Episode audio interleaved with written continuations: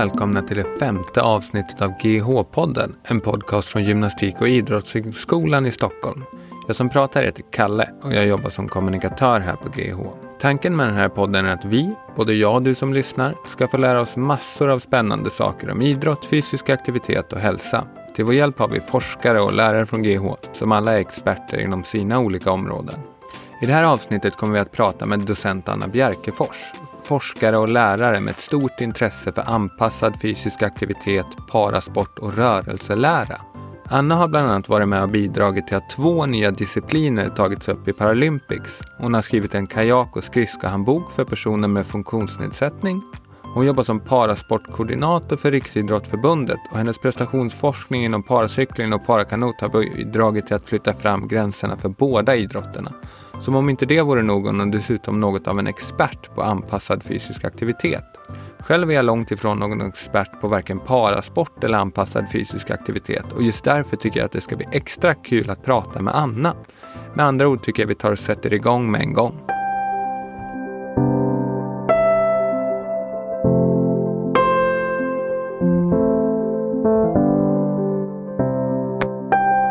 Då kör vi! Hej Anna och välkommen till GH-podden. Hur är läget med dig idag? Tack Kalle! Jo, men det är bra tack. Ja, vad roligt. Eh, det är ju så här att du har ju varit med och bidragit till att parakanot har tagit upp som idrott i Paralympics. Du har skrivit böcker om idrottande för personer med funktionsnedsättning. Du jobbar som parasportkoordinator vid Riksidrottsförbundets utvecklingscentrum på Bosön och du håller i en idrottsvetenskaplig kurs med fokus på träningslära inom parasport.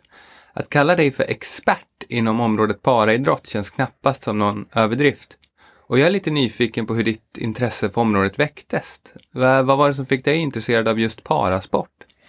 Ja, ja men jag utbildade mig ju till sjukgymnast eh, eh, för massa år sedan. Jag var färdig när jag var 21 och då började jag ganska direkt att intressera mig för rehabilitering. Och sen eh, eh började jag också att jobba på ett rehabiliteringscenter nere på västkusten och där träffade jag ett stort antal personer som hade fått en ryggmärgsskada och skulle rehabilitera sig tillbaks till ja, ett så bra liv som möjligt och så. Och redan där blev jag intresserad av olika friluftsaktiviteter. Och sen fick jag förmånen att börja och jobba i en ideell förening eh, som heter RG Aktiv Rehabilitering. Och de startade sin verksamhet ute på Bosön 1991. Så då, startade jag, då började jag jobba där. Den föreningen använder just idrotten som medel för att rehabilitera personer med funktionsnedsättning, framförallt personer med ryggmärgsskada. Och till, så att man skulle bli så självständig som möjligt i sitt dagliga liv. Och då använde vi idrotten som medel, så att vi använde simning, eh, bågskytte, eh, bordtennis, eh, eh friidrott och så vidare för just att rehabilitera. Så an, var man i simhallen så tränade man på förflyttningar och man tränade på att klä på sig kläder och klä av sig och, och simma och så. Så där tror jag redan då så startade mitt intresse just för idrotten. Men då var ju mitt fokus framförallt kring rehabiliteringen, alltså hur kunde man bli så bra som möjligt tack vare att man idrottade.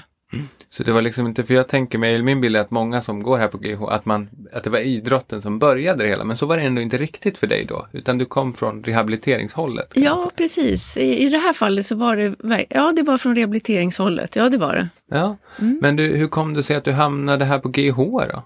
Jo, under de här åren som jag jobbade på, på Bosön då med, med RG aktiv rehabilitering så, så såg vi att det fanns ett behov av att starta aktiviteter eller idrotter utomhus.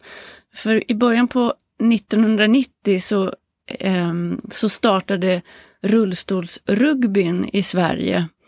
Och då så, och rullstolsbasketen fanns och rullstolstennis och andra idrotter. Men vi såg att det fanns ett behov att just att man var mer aktiv utomhus. Och det var då som vi såg behovet tillsammans med de deltagarna på Bosön att utveckla också kanotpaddling eh, och också långförsåkning på skridskokälke så att man kunde vara utomhus och träna året runt. Och en av anledningarna också när vi startade kanotpaddling var också att rekrytera kvinnor till idrotten. Eh, för det är många män ryggmärgsskadade som, som skadar sig. Eller männen är överrepresenterade som, som skadar sig och får en ryggmärgsskada. Och då såg vi just det här behovet att också rekrytera kvinnorna till idrotten. Eh, så när vi hade genomfört ett antal paddlingsaktiviteter under flera år så såg vi att deltagarna också fick en sån funktionsförbättring och också sa det att ja, men nu går det mycket bättre att köra rullstol i den här uppförsbacken och nu går det mycket bättre att förflytta mig in i bilen till exempel. Och jag känner att när jag sitter på min duschpall så kan jag sitta mycket mer stabilt efter jag har paddlat. Och då tänkte vi att men det här måste vi beforska, det här är ju intressant vad våra deltagare säger. Och då tog vi kontakt med GH, ehm, det här var 2000, och med professor Alf Torstensson som då var professor i, eh, i biomekanik och rörelselära här på, på GH. Och han blev väldigt intresserad och uppmuntrade till att ja, men det här är ett intressant område som GH gärna ville arbeta med. Så att jag började min doktorandperiod 2002 och blev färdig med, med eh, min, mitt doktorsarbete 2006. Mm. Mm. Men om vi då gör så att vi snabbspolar lite framåt då, till idag. Jag tänker vi ska prata mer om din bakgrund och allt coolt du har gjort sen. Men hur, om vi tittar just idag, hur ser ditt arbete ut nu? Jag vet till exempel att du är laboratorieansvarig för BMC-labbet här på GH. Och eh, hur fördelar du din tid mellan att vara lärare, forskare och parasportkoordinator? Ja, ja jag är ju lärare och forskare och så då Eh, det ser ju lite olika ut vilka kurser som jag är med och undervisar i, så det ser ju lite olika ut från vårtermin till hösttermin. Eh, på vårterminen så är jag kursansvarig för en kurs som heter biomekanik och motorisk kontroll som är på avancerad nivå och som kan läsas av masterstudenter eller fristående studenter som till exempel har en en fysioterapeutexamen eller idrottsvetenskap, kandidatexamen. Och under hösten så har jag mer undervisning för hälsopedagoger i årskurs 3 till exempel. Eh, men sen är jag också på RF Bosön är jag konsult på elitidrottsavdelningen och där stöttar jag just hur vi ska eh, supporta våra elitidrottande parasportare Eh, så det gör jag på 20 procent. Eh, och sen är vi ju flera på RF eh, som arbetar med att supporta paraidrottarna. Dels både med, med idrottspsykologi, idrottsnutrition, idrottsfysiologi och, och jag kanske supportar just den delen som har eh, med teknikutveckling, eh, biomekanik, eh, preventiv träning och så för, för den gruppen. Det låter dels som en väldigt cool roll men också som en väldigt bred roll. Ja, absolut. Men nu börjar jag bli så gammal. så nu har jag ju varit med så pass länge så att jag har ju, jag har ju kunskap i ganska många områden som jag faktiskt kan få använda mig av. Så det tycker jag är rätt kul. Och precis som du säger där att jo, men jag har ganska bred roll, men jag gillar det också. Mm. För då, jag har en överblick över ganska många områden som jag faktiskt kan använda mig av. Ja. Ja, coolt. Men du, jag tänkte så här, om det är okej okay med dig så tänkte jag att vi skulle börja med att prata lite om parasporten generellt. Ja. Och det första jag är nyfiken på då är ju själva grundpremissen. Alltså vad definierar en paraidrottare? Eh, vem bestämmer vilka funktionsnedsättningar som är godkända och liksom, hur går det arbetet till? Ja, Ja, men det är en jättebra fråga verkligen och den är ju ganska stor. För man kan ju tänka sig att parasport, det är ju ett brett begrepp och det innefattar ju allt från breddidrott till elitidrott. Ehm, och då är det ju framförallt personer med fysiska funktionsnedsättningar, med intellektuella funktionsnedsättningar eller med synnedsättningar som inkluderas i det begreppet. Sen när man går över till paralympisk idrott, då är det ju de idrotterna som inkluderas i Paralympics Så till exempel för sommaridrotter så är det 22 idrotter som är inkluderade i Paralympics och för vinteridrotterna så är det sex stycken. Mm. Och då har man ju, då är det ju just när vi börjar prata om klassificering och gruppindelning. Och det är ju specifikt just för paraidrotten, att man försöker att gruppera idrottare med liknande funktion för att tävlingen ska bli så rättvis som möjligt. Men inom den paralympiska idrotten, så där kan man då smalna av vilka grupper som får delta under Paralympics.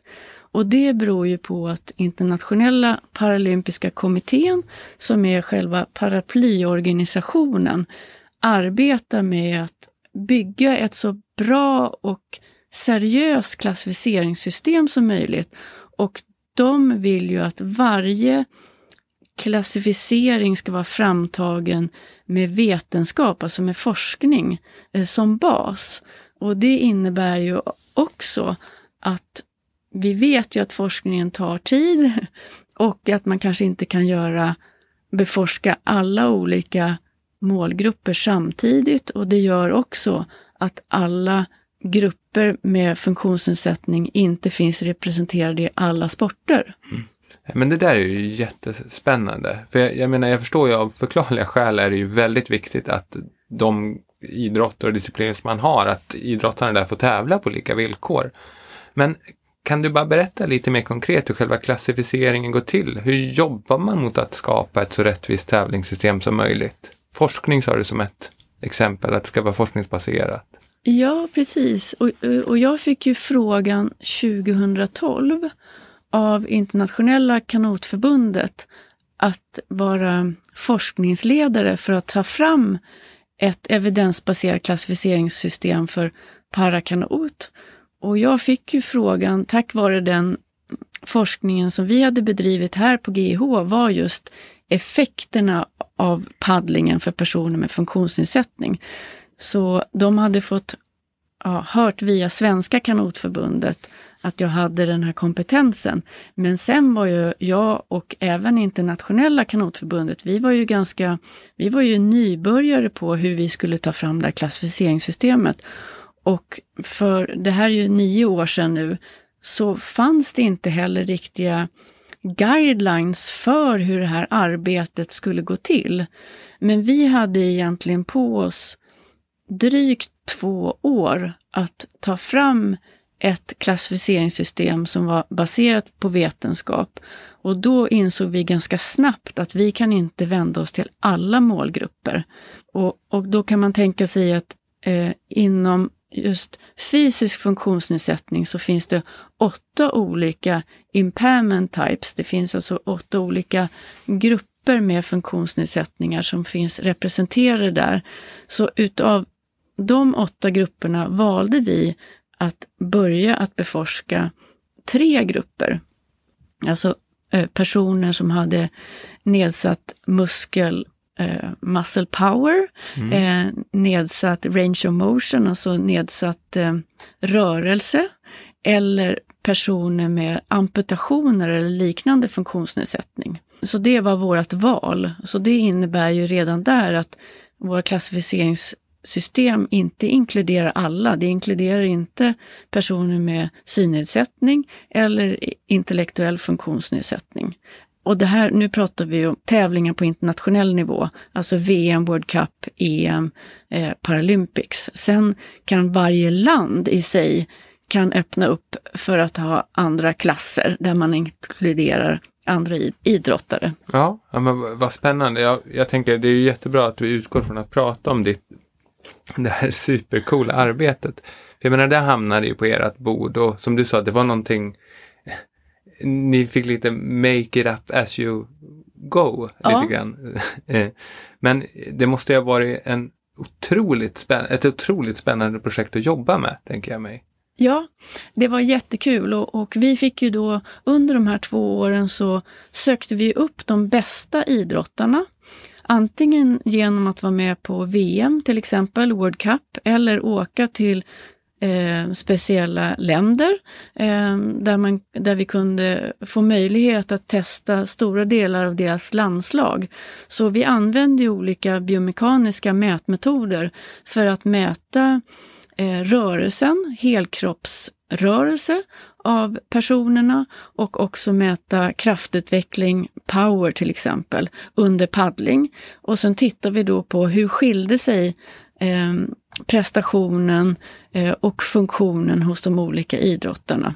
Eh, så, så, det gjorde vi och utifrån den, ehm, den datan som vi då fick fram så använde man då olika statistiska metoder för att se vilka personer som grupperade sig i olika eh, mindre grupper.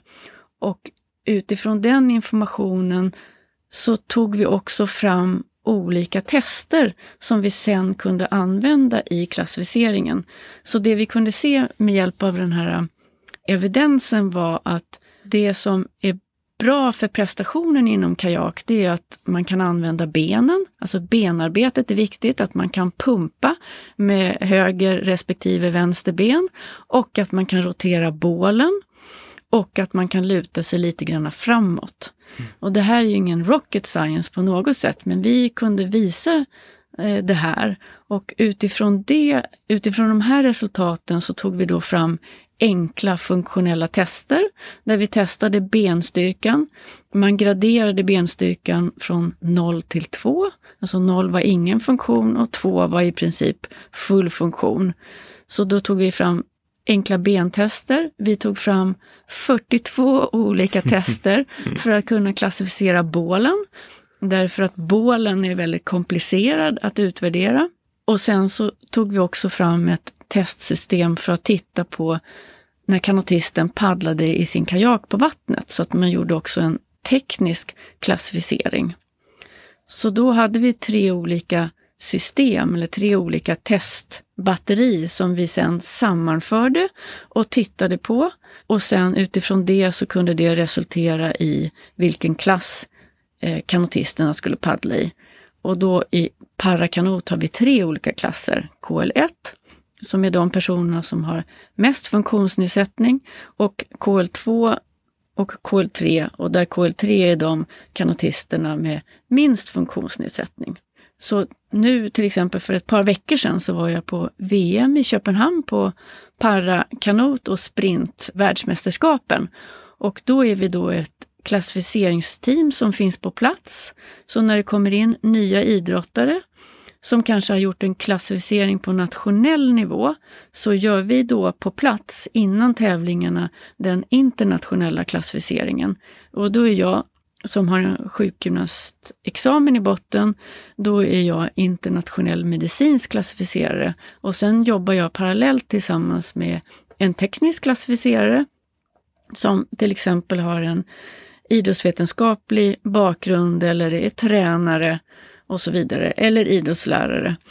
Och sen gör vi då en, den här, vi gör de här funktionella testerna, så jag testar då benfunktionen hos idrottarna och bålfunktionen och sen ger den tekniska klassificeraren, gör då den här bedömningen på vattnet.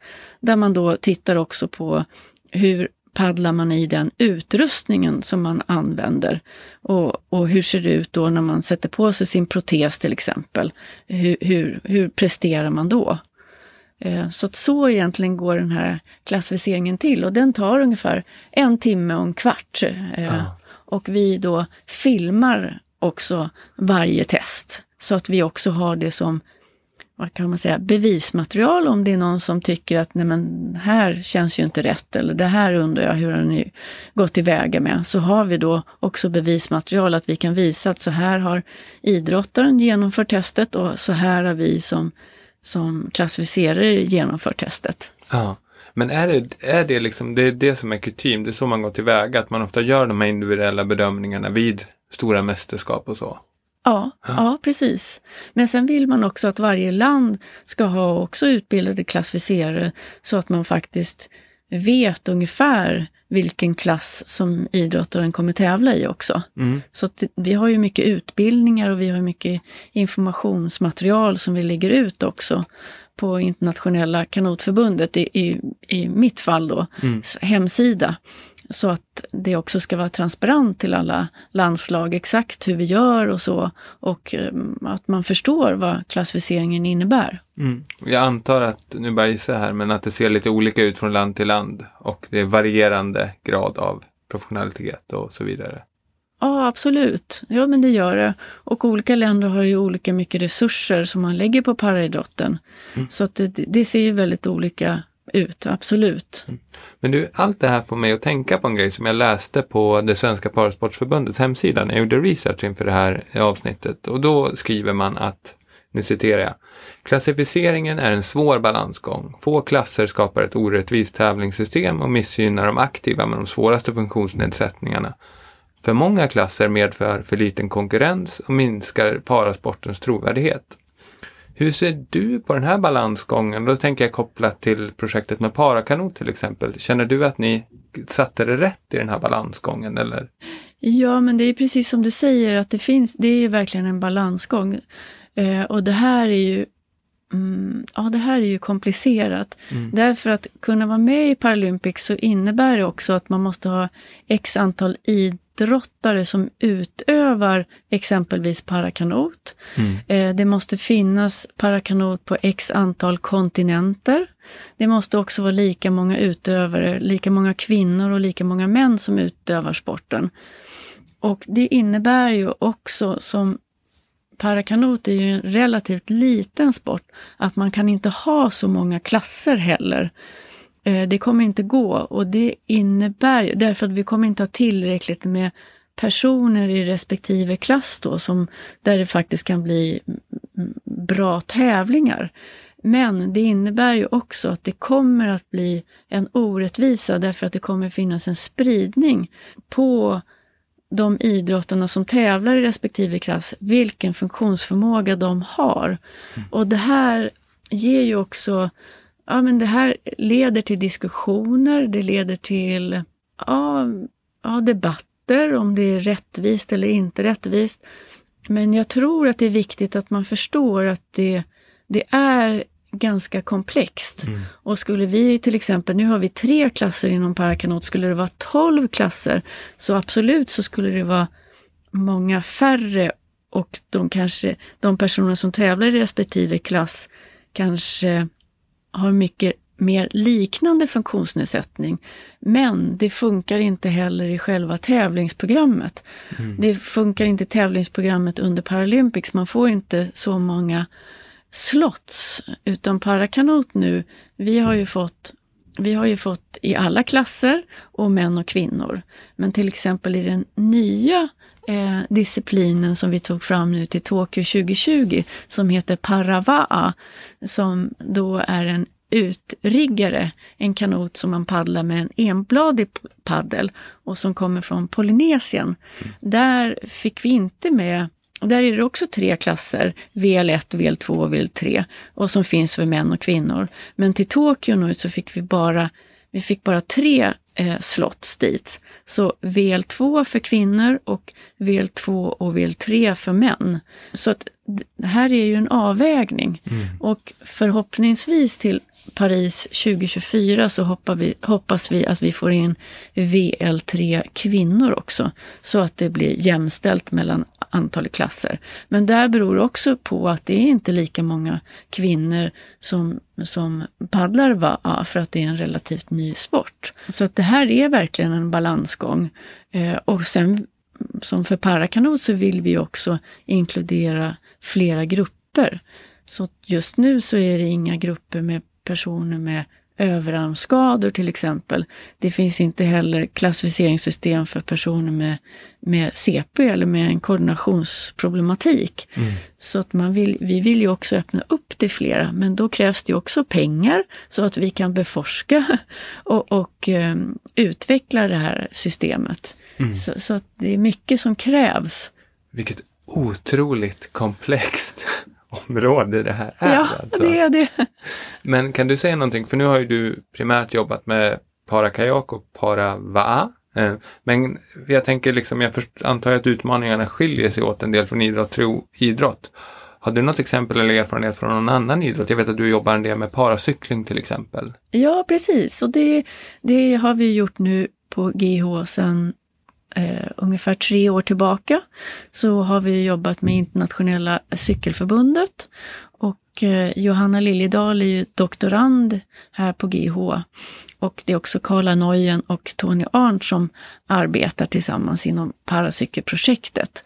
Och inom paracykling så finns det ju eh, flera olika klasser och olika cyklar också. Dels har man en trehjulig cykel, man har en tvåhjulig cykel, cykel och man har en handcykel också. Två olika typer av handcyklar. Så där, redan där så ser vi ju att det finns, eh, ja, det är mycket större sport och man inkluderar också personer med olika funktionsnedsättningar, till exempel personer med koordinationsproblem till exempel, som då cyklar på den här trehjuliga cykeln. Eh, och man har också flera olika eh, funktionsnedsättningar där man har funktionsnedsättningar kanske både i armar och i ben och eventuellt i bål också. Så, så här är det ju ännu mera kanske komplext och ännu mera eh, det behövs ännu mer studier för att verkligen beforska hur mycket respektive segment, eh, till exempel armarna, hur mycket bidrar de till, till cykelprestationen? Ja. Åh, herrejösses. Och om vi nu ändå ska fortsätta med den här komplexa diskussionen så ett område som jag vet att du börjat jobba en del med och du nämnde det som hastigast är ju klassificering av idrottare med cerebral pares. Kan du berätta lite om det arbete du har gjort och utmaningarna där? Ja, det är ett projekt egentligen som mm, inte riktigt har påbörjats ännu, men vi, eh, och det drivs av vår gästprofessor här vid GH, Uv van Landevik, som är gästprofessor eh, på 40 procent här och som är en guru inom klassificering. Mm. Och har också jobbat många, många år inom eh, Sport Science Committee inom IPC, alltså Internationella Paralympiska kommittén. Och, eh, så det är ju jättespännande att få jobba så nära tillsammans med UV och att få vara med i det här internationella projektet som det här projektet är, där vi ska titta på olika sätt att eh, mäta koordinationsförmågan hos personer med till exempel med en CP-skada. Mm. Och eh, där är det då ett eh, forsknings gäng i Italien som arbetar med att ta fram en utrustning där man då kan titta på krafthastighetsutförandet under olika armrörelser och man kan också titta på smoothness, alltså hur mjuk eller följsam är rörelsen som personen utför. Och utifrån det här då skulle man då kunna göra en, en väldigt eh, noggrann bedömning av funktionsförmågan mm. hos personer med koordinationsproblem. Mm. Men det här projektet är i startgroparna så vi jobbar just kring utvecklingen av utrustningen. Och jag är bara en liten del i det här projektet så jag är inte huvud, huvuddrivande på något sätt. Men jag tycker det ska bli väldigt, väldigt roligt att vara med i. Det låter ju som en otroligt spännande utmaning om inte annat ja. att ta sig an. Ja. Jösses. Men du, jag tänkte på en grej också, för jag menar, jag antar att det är ganska nära besläktat. I och med att ni tittar mycket på det här med klassificering, ni har massor av studier och sådär, så antar jag att en naturlig följd blir också att man ägnar sig åt, nu kanske jag sätter terminologin fel, men prestationsforskning. Alltså att man hjälper till att driva sporterna framåt också. Kan du berätta lite om hur det arbetet har gått till, till exempel med parakanot eller paracykling? Ja, precis, därför att vi tittar ju på, prestationen och det som kanske har varit lite roligt, nu är ju eh, Johanna Rosén är ju doktorand inom parakanot så, så, och hon har ju framförallt varit den som har drivit Paravaan, klassificeringen kring det. Eh, och Johanna har ju också varit med i alla studier kring parakajak också. Men det som jag tror att båda vi två har känt har varit väldigt roligt är ju att när vi har varit ute på tävlingarna och vi har tagit med oss hela vårt biomekaniska system med alla de här 12 kamerorna som vi har satt upp på de här tripodsen. Eh, vi har kajakergometrar, vi har markörer, vi har kraftmätare alltihopa, så har ju även tränarna och också kanotisterna, sprintkanotisterna som inte har någon funktionsnedsättning har också blivit intresserade och se vad gör vi? Och vi har ju också samarbetat med Svenska kanotförbundet att se hur kan vi faktiskt hitta en win-win situation här, att vi kan överföra den kunskapen som vi har fått från parakanot in till kanot, sprintkanotisterna som inte har en funktionsnedsättning. Ah. Och det tycker jag har varit väldigt kul. Och det projektet har ju drivs framförallt av Hans Rosdahl och eh, tillsammans med Svenska kanotförbundet och Jonny Nilsson och så.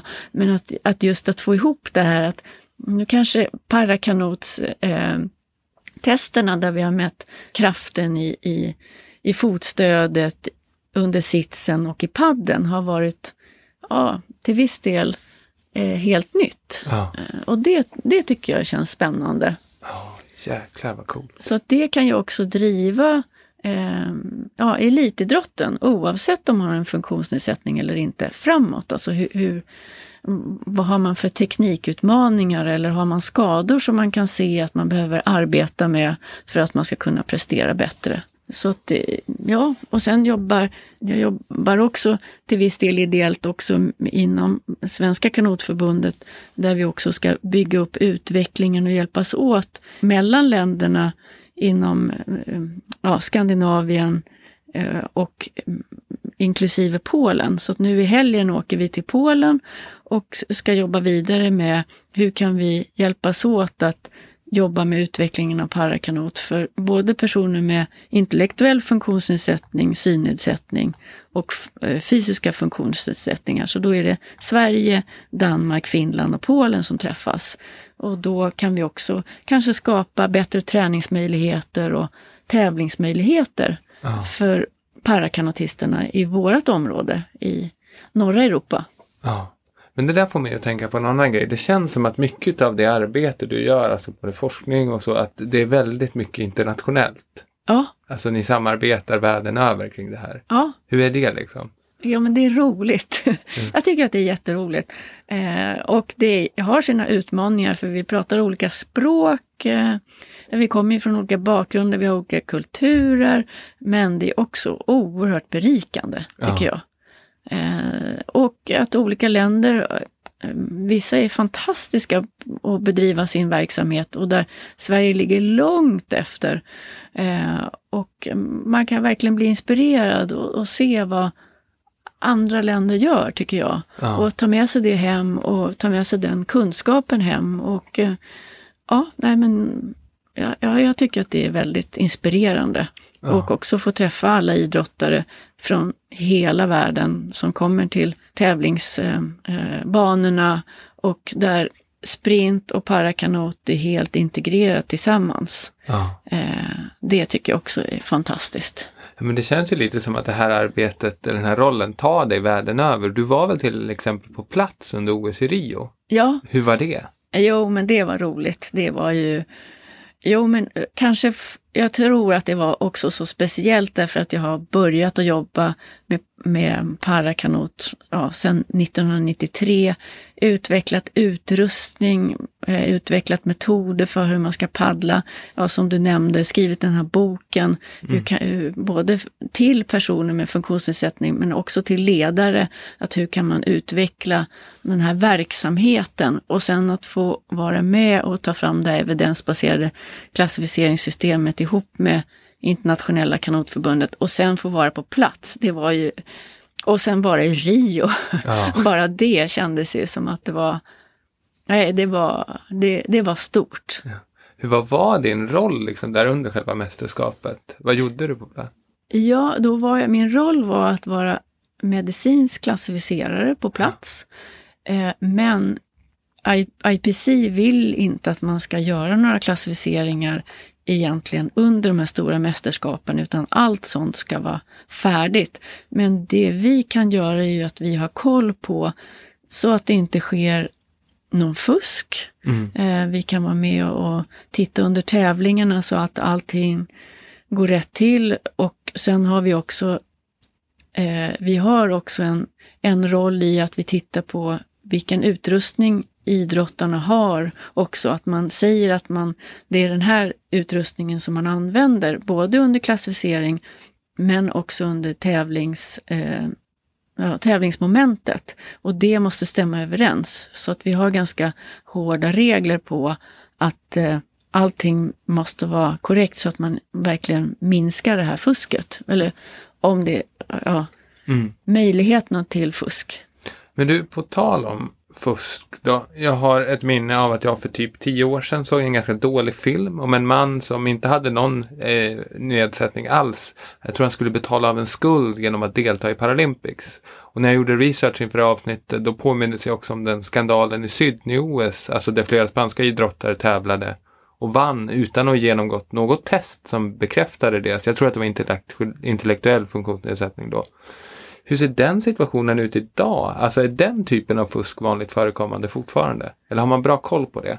Ja, men det, ja, det finns ju olika delar av, av fusk. Eh, och som du säger här så var det ju att man då inte hade kunnat... Ja, de hade ju genomgått någon form av eh, klassificering för en intellektuell funktionsnedsättning men hade klarat sig igenom det. Eh, och eh, på det sättet så är det ju det är ju fusk, det likställs med doping, eh, man blir avstängd precis på samma sätt som om man skulle använda otillåtna preparat, så det är ju väldigt, väldigt hårt. Och inom klassificeringen så är det ju så att när man kommer in i den här klassificeringssituationen att personen ska visa sin funktionsförmåga och jag ska testa den, mm. så måste ju det ske i samarbete med mig. Och är det så att jag upplever att personen håller på och maskar, inte visar vad de går för, inte visar fullt ut, så kan jag avsluta processen. Och då innebär ju egentligen att personen inte kommer i någon klass och då kan de heller inte tävla. Mm. Eh, så att hela tiden så måste det finnas det här ja, det måste finnas ett, en samarbetsvilja och det här skriver ju också idrottaren på, att man, man ska göra sitt bästa. Och vi försöker ju också att med hjälp av olika tester och med hjälp av våran kunskap så försöker vi också se, är det här verkligen på riktigt eller är det så att man försöker att maska eller inte? Och därför har vi också den här medicinska klassificeringen och den tekniska, för vi tittar också på vad händer när man väl kommer ut i vattnet, man blir mera tävlingsinriktad. Och vi tittar också under tävlingarna, så då filmar vi.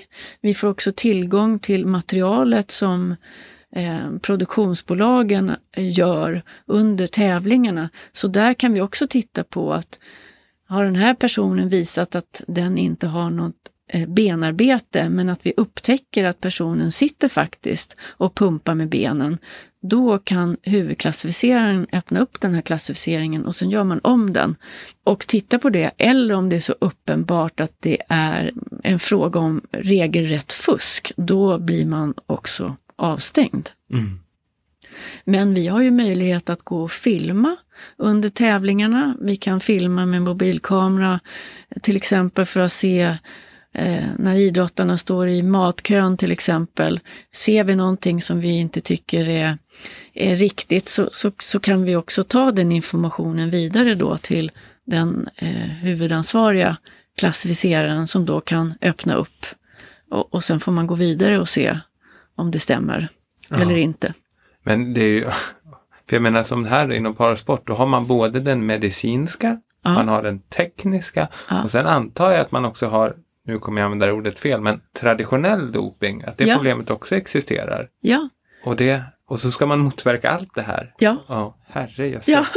Precis. För är det så att om man tänker liksom vanlig doping, är det också någonting som är förekommande inom parasporten? Ja, det förekommer, eh, det gör det och eh, precis på samma sätt så, så måste ju idrottarna också, de måste ju också arbeta precis som samma sätt som elitidrottare utan funktionsnedsättning. Och Parasportförbundet jobbar ju aktivt eh, under RF med ett antidopingprogram där man utbildar idrottarna i dopingarbetet, eh, vad som är otillåtet till exempel. Hur man ska upprätthålla var man är någonstans så att man också kan eh, bli kontrollerad av dopingkontrollanter.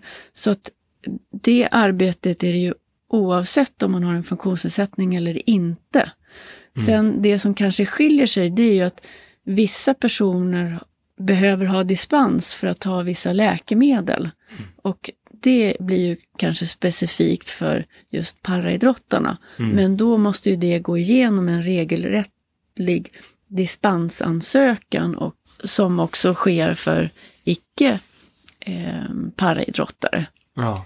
Så att man jobbar ju precis på samma sätt och, och samma, eh, med, med, samma starka intention att det är nolltolerans, absolut. Ja. Mm. Ja, gud. Jag, jag måste säga att jag är väldigt imponerad av det här arbetet med klassificering och organiserandet kring. Och bara på tal om just det här organiserandet så tänker jag att de flesta känner ju liksom till Paralympics. Men om man tittar liksom på tävlandet vid sidan av det. Jag förstår ju såklart att det skiljer sig jättemycket från idrott till idrott och land till land. Men kan man säga någonting liksom hur den organiserade parasporten ser ut i Sverige? Eh, hur ser det ut med tävlingar, organiserade seriesystem? Finns det någon idrott man kan lyfta fram som ett framgångsexempel eller kan du berätta lite om de idrotter du har jobbat med? Ja, men det är ju kanske Sverige är ju ett avlångt land mm. eh, och tack och lov så har vi inte så många militära veteraner heller. Så våran målgrupp är ju kanske mindre än mm jämfört med andra länder, till exempel mot England där man har många eh, krigsveteraner mm. som rekryteras in till paridrotten. Och också att vi är ett relativt litet land också. Eh, så jag tror ju kanske just nu så är ju kanske just eh, teamsporterna, alltså Rustos basket, Rustos rugby, eh, parahockey eh, till exempel, där man är utspridda över hela landet, mm. gör att det är, ja, men att det kan bli svårt att hitta tillräcklig tid tillsammans och träna ihop. Ja. Och då vet jag i, i andra länder, där kan man ju samla ett helt team. Man får full lön, man kan bo på samma plats och man kan träna ihop. Mm. Och det, den supporten har ju inte vi i Sverige än så länge. Att man, utan nu är det ju många eh, paridrottare som jobbar eller pluggar hel eller deltid och sen ska utföra sin idrott. Och så ser det ut för många idrottare utan funktionsnedsättning också.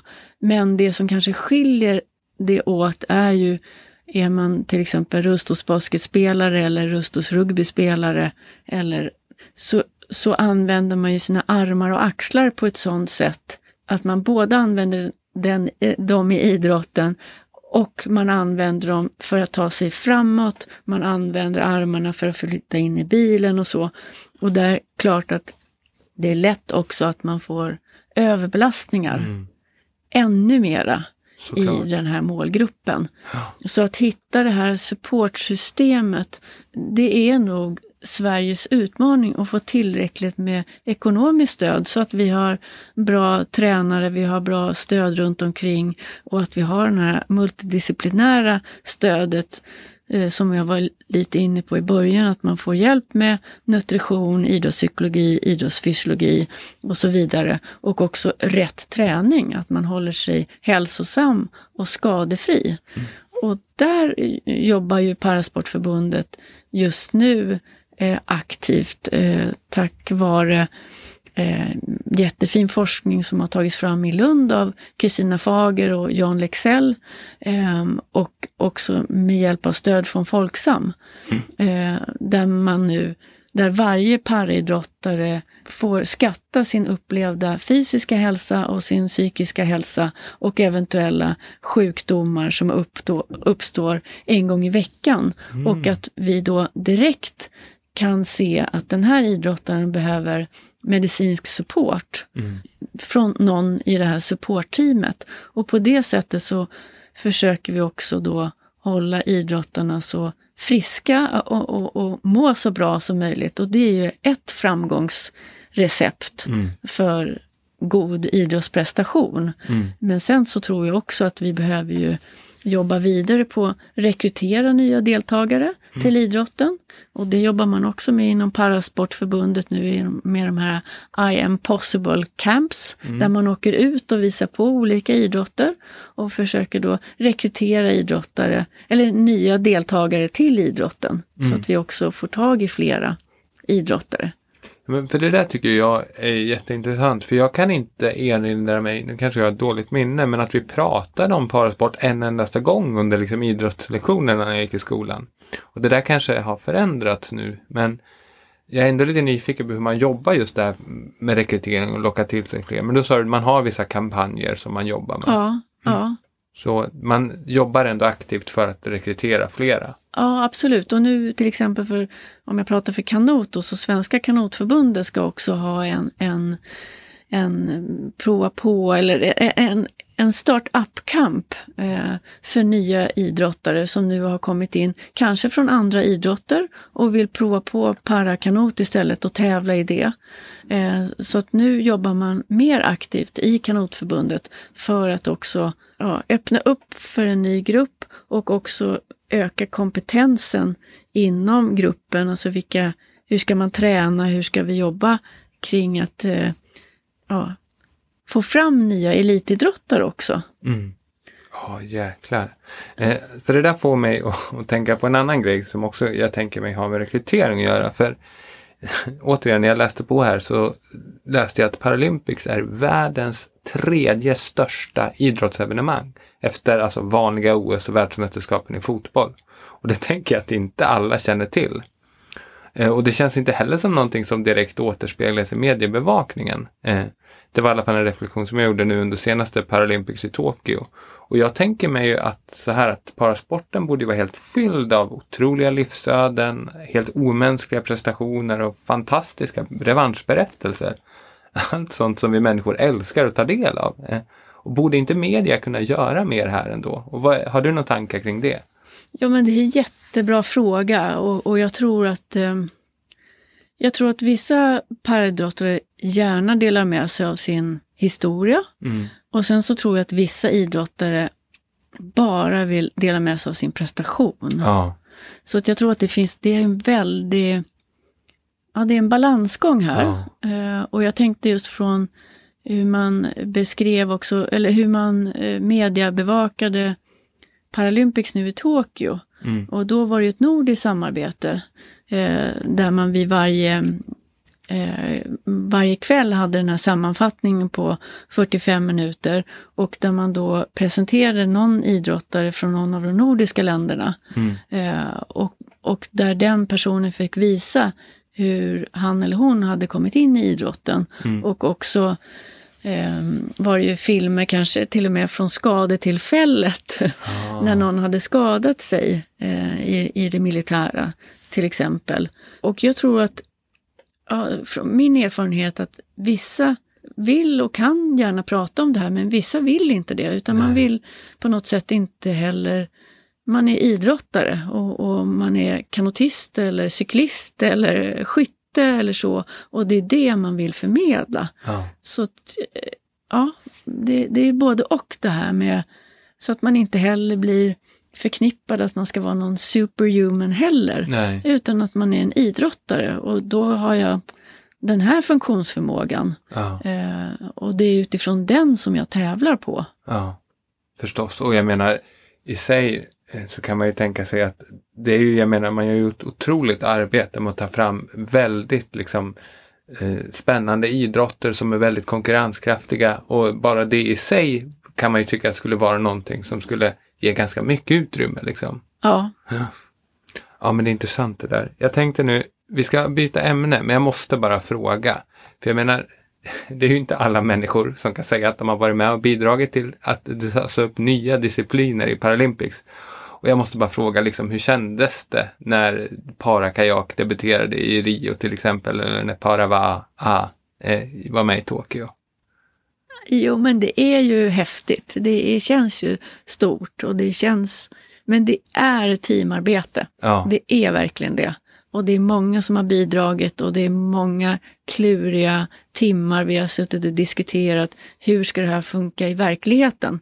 Mm. Och det kanske har varit en av de mest spännande sakerna tycker jag. Att vara med och beforskat, mm. tagit fram någonting och sen är jag också faktiskt på plats och klassificerar och ser hur det här funkar. Mm. Och vi har också lagt ner jättemycket arbete på att verkligen förstå hur forskningsresultaten ska omvandlas i verkligheten. Ah.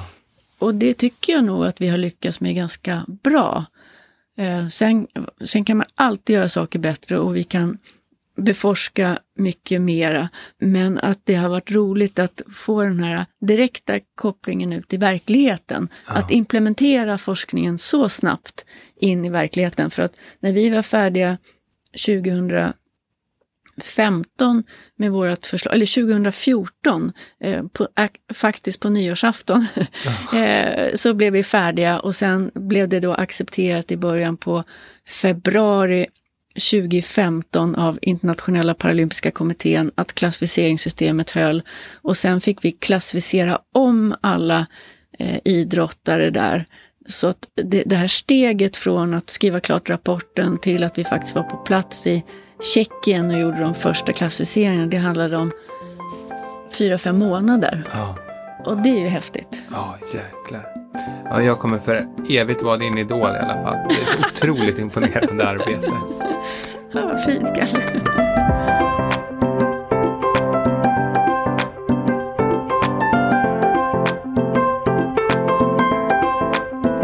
Så, då är vi tillbaka. Men du, Anna. Ett närbesläktat område som du också jobbat mycket med är anpassad fysisk aktivitet. Eh, kan du börja med att berätta lite för mig och lyssnarna vad det innebär? Alltså vad inryms inom det forskningsfältet eller det området så att säga? Ja, men det är ju ett brett fält och då tänker man ju kanske, alltså hur kan man göra det möjligt för personer med funktionsnedsättning att vara fysiskt aktiva? Och då behöver man ju göra kanske vissa anpassningar, antingen är det i metodiken eller i utrustningar. Mm. Så att man har möjlighet att ja, träna eller vara fysiskt aktiv på liknande villkor ja. som vem som helst. Mm.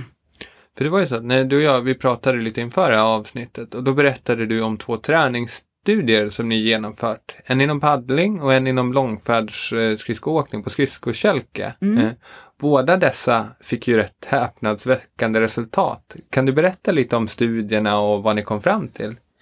Ja, men den här första då som var vi gjorde egentligen två studier med paddling, varav den andra var en del av mitt avhandlingsarbete. Men då försökte vi verkligen utvärdera effekterna av paddling, eh, men på en ergometer.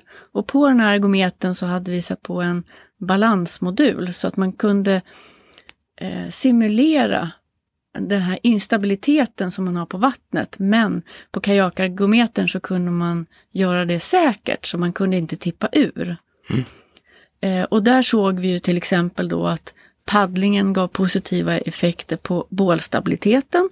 Man kunde till exempel luta sig längre fram. Man kunde vara mera stabil när man satt i rullstolen. Så till exempel om man satt i en buss eller tunnelbana och tunnelbanan eller bussen startade så vid den här accelerationen så kunde man fortfarande sitta rakt upp så att man tippade inte över på grund av den här yttre störningen.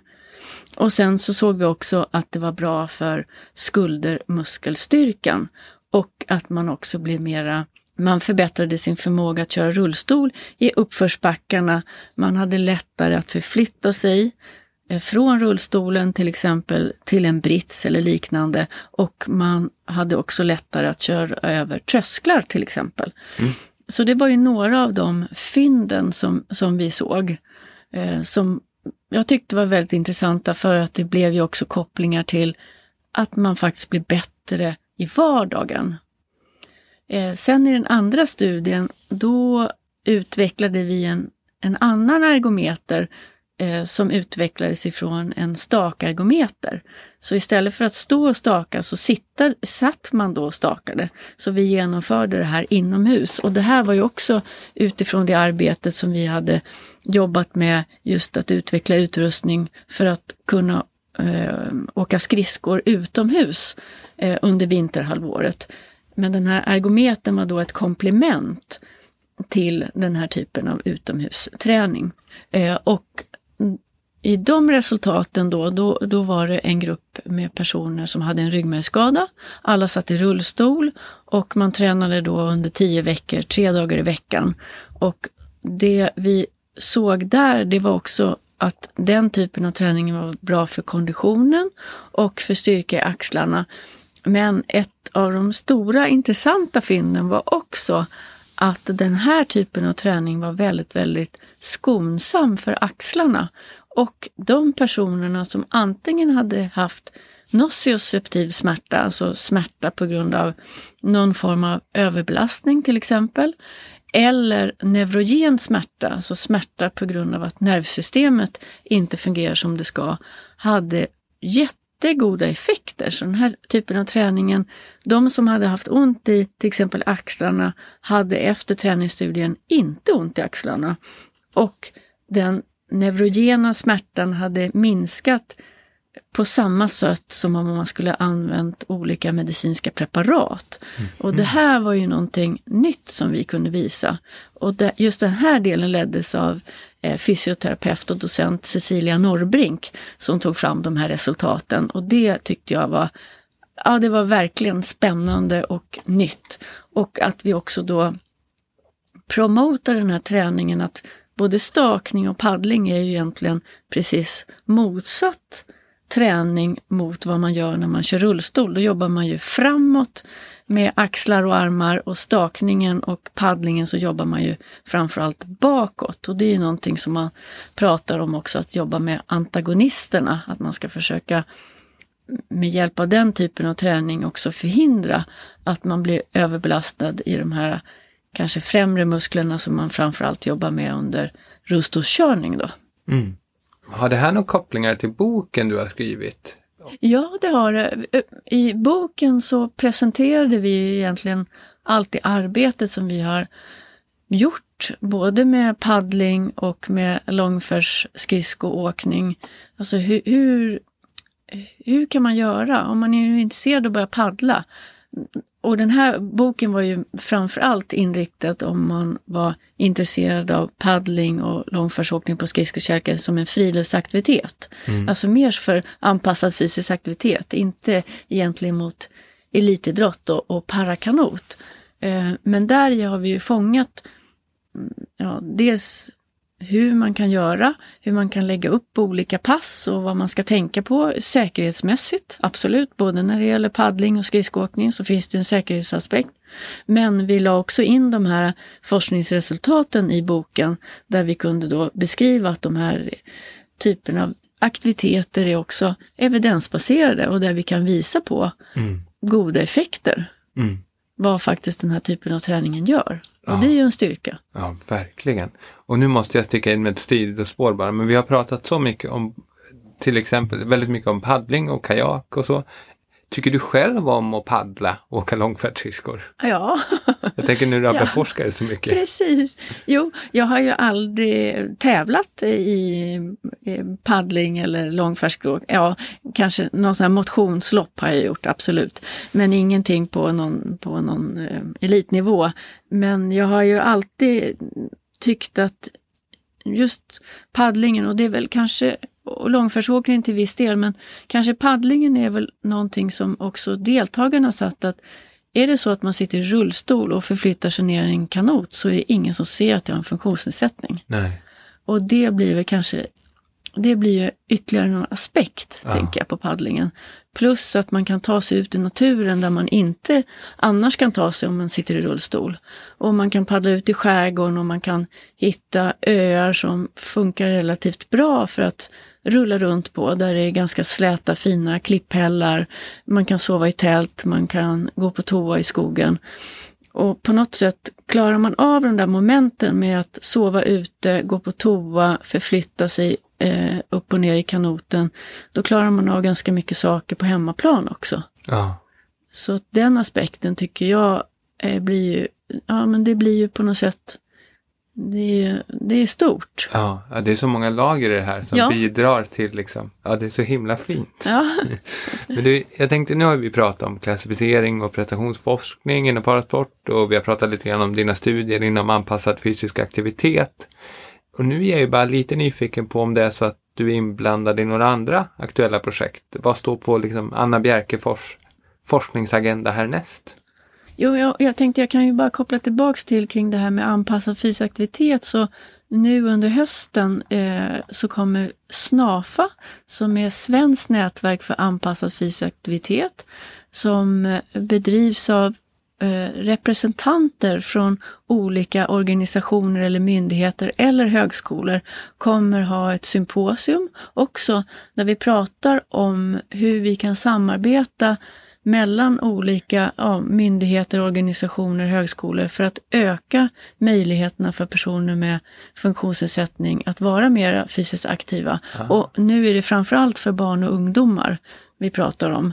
Och framförallt inom skolvärlden också. Och hur kan vi då tillsammans med Skolverket, eh, Specialpedagogiska skolmyndigheten, Skolforskningsinstitutet, olika högskolor och universitet arbeta med att eh, främja det här.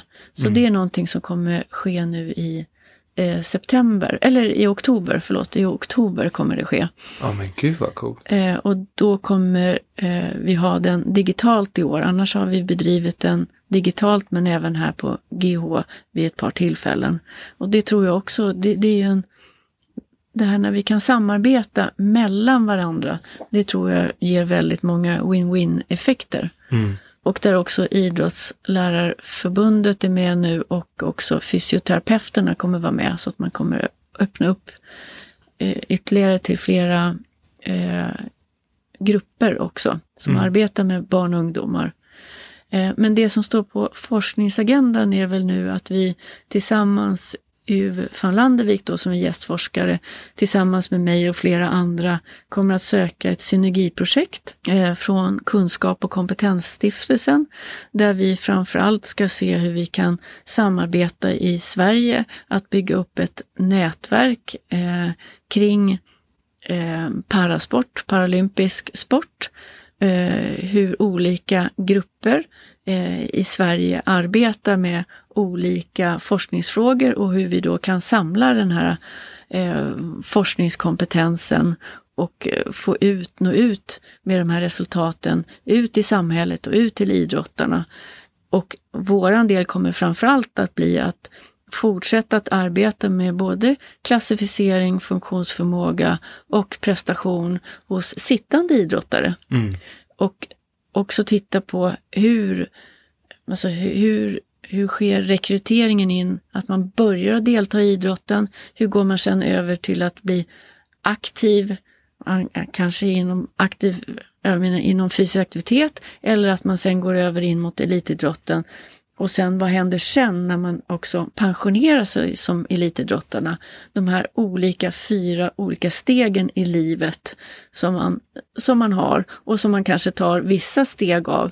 Att det kommer vi arbeta med och kommer skicka in en ansökan. Och där kommer vi också samarbeta med olika företag också eh, i Sverige. Och, eh, eh men framförallt då kring sittande idrotter och vi får ihop det här med sittandet i till exempel rullstolen eller i den idrottsutrustningen som man utför sin aktivitet i ihop med bålfunktionen och också ihop med skulderfunktionen. Och ja, där vi ska titta på olika idrotter och eh, olika ja, förmågor just i sittande. Ja, gud jag kommer hålla alla mina tummar och tår för att det här blir av. Det låter som någonting som kan skapa väldigt mycket positiva effekter. En grej som bara slog mig nu när du pratar om det här, just det här så att säga kunskapen kommer till nytta. Det här med att eh, forskningen ska vara tillämpad och att den ska vara tillgänglig. Det, jag tycker mig uppfatta att det är någonting som är viktigt för dig. Eh, är det en korrekt bedömning?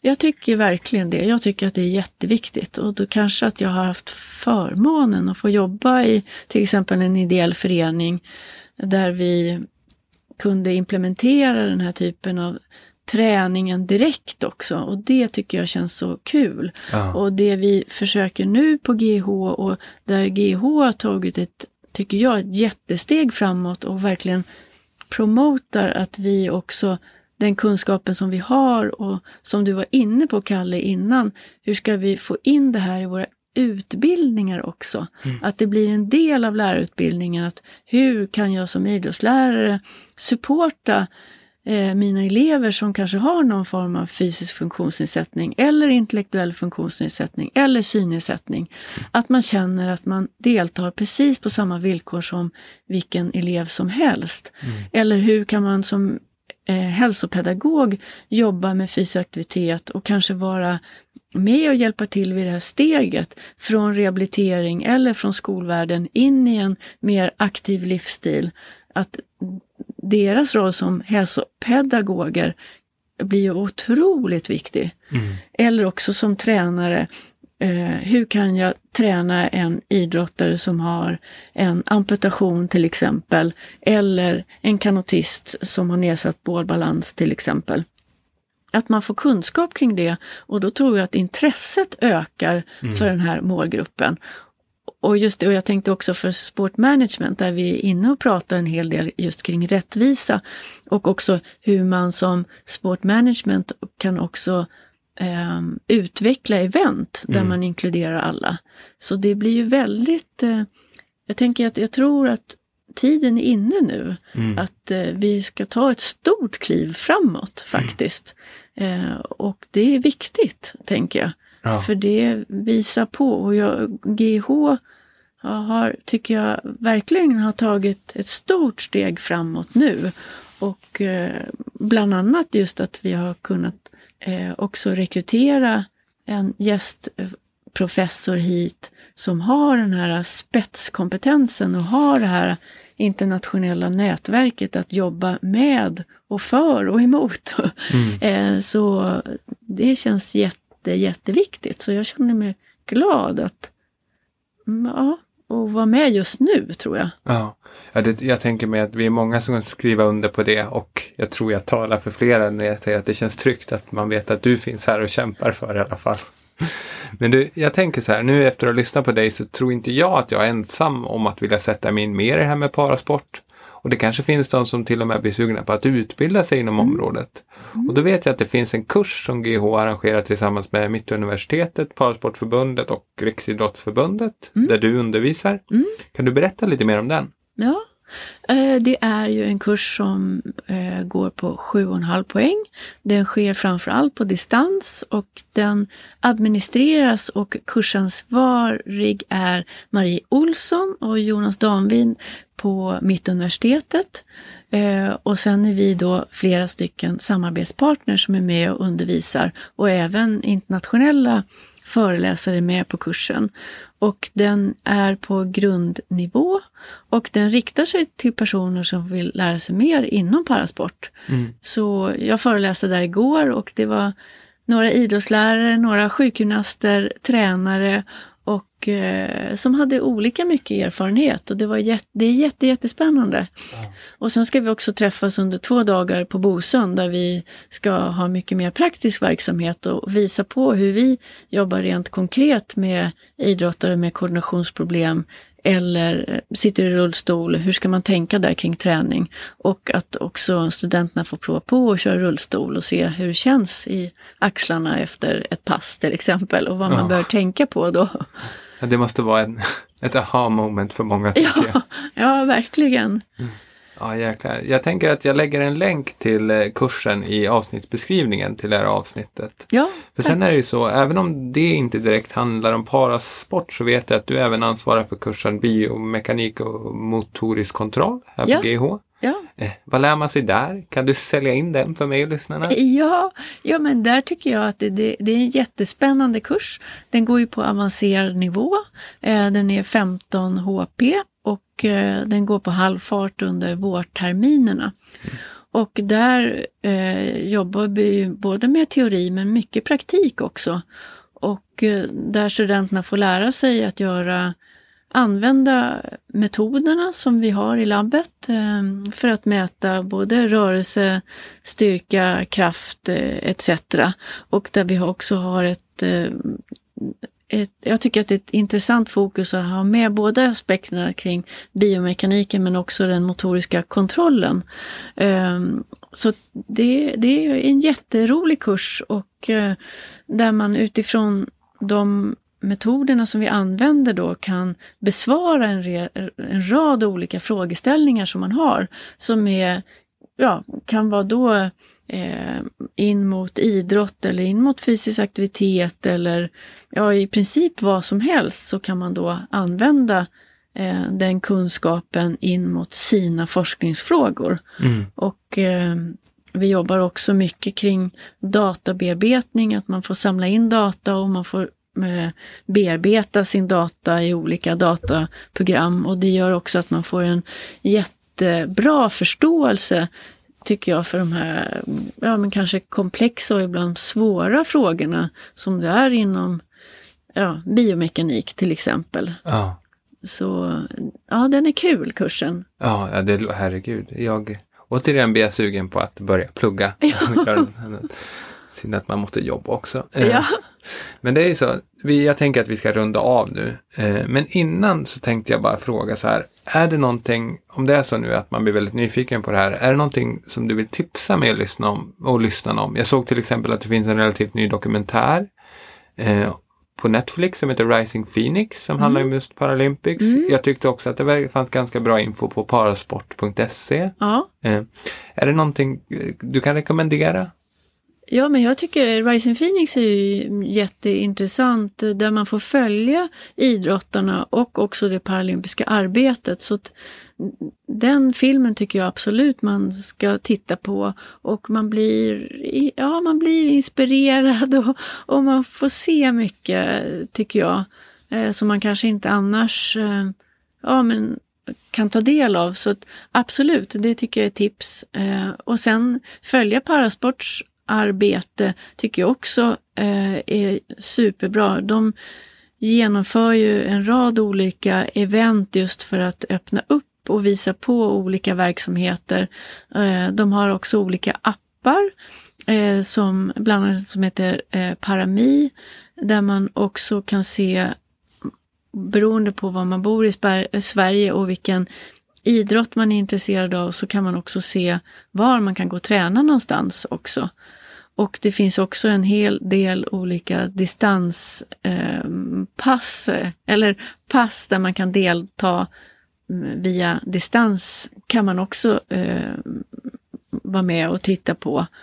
Eller vara med och, och, och, och träna i. Mm. Och sen kan, så finns det ju också eh, olika filmer som Parasportförbundet gör. Eh, informativa filmer, till exempel om klassificering eller att man också kan få ta del av olika idrottare med olika funktionsnedsättningar. Hur det är att tävla och ha den typen av funktionsnedsättning också inom parasport.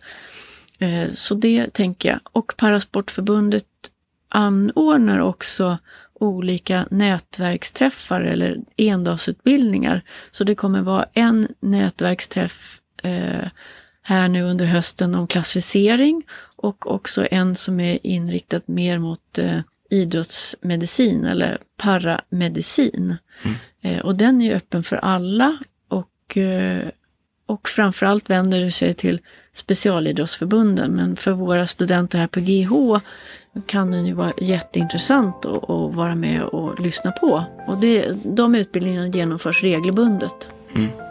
Ja, Ja, men då vill jag uppmana lyssnarna att kolla upp de här superbra tipsen. Och så vill jag bara säga stort tack till dig Anna för att du har varit med i GH-podden.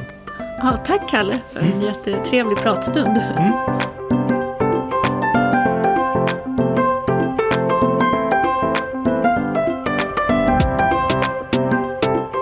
Då vill jag bara avsluta med att tacka Anna för hennes medverkan om du vill läsa mer om hennes forskning eller söka någon av de utbildningar där hon undervisar så går du bara in på gh.se. Jag har även lagt en del länkar i beskrivningen till det här avsnittet. Nu återstår bara att rikta ett stort tack till dig som lyssnat. Om du vill höra mer av oss framöver får du gärna prenumerera på podden i din podcastspelare. Kom även ihåg att ge oss ett betyg och tipsa dina vänner, då det verkligen hjälper till att få spridning på podden. Sen får ni gärna följa oss i sociala medier också. Där heter vi GH Sweden. Det var allt för denna gång. Vi hörs snart igen. Hej då!